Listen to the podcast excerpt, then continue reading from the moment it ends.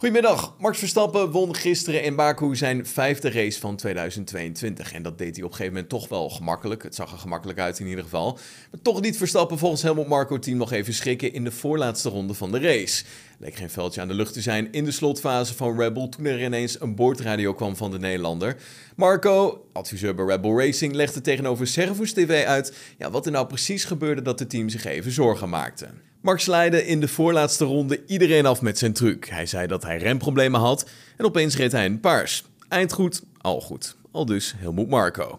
Nou, ondanks de winst heeft Max Verstappen toch nog wel wat aan te merken op de RB18. Tijdens de persconferentie, na afloop van de race, geeft Verstappen dan ook toe dat hij verbetering verwacht op de vrijdag en de zaterdag. Leclerc heeft namelijk al zes keer dit seizoen pole position weten te veroveren. Sergio Perez en Verstappen bij elkaar nog maar twee keer. Op zaterdagen zijn we dit seizoen niet zo snel als Ferrari, om wat voor reden dan ook. Het is duidelijk dat ik een betere auto verlang, ook voor mijn eigen gevoel in de auto. Daar waar de vrijdag en zaterdag moeizaam gaan en in het teken staat van balans en snelheid vinden, is het voor Verstappen op de zondag meestal wel gemakkelijk om alles uit de auto te halen. Op de zondagen voelt het over het algemeen een beetje beter. Er is natuurlijk nog genoeg werk aan de winkel om te proberen de auto te verbeteren, maar ik denk dat iedereen hetzelfde heeft. Het is nog steeds een erg nieuwe auto, dus we zullen altijd blijven zoeken naar verbeteringen.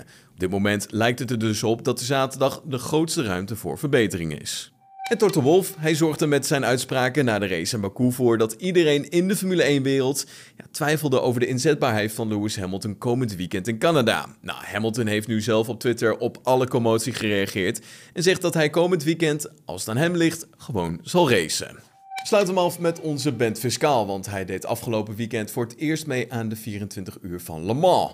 De Nederlander eindigde op de zesde plaats in het LMP2 Pro-Am-klassement. De Tukker kijkt met veel tevredenheid terug op zijn debuut en zegt dat hij trots en tevreden is en dat een jongensdroom is uitgekomen.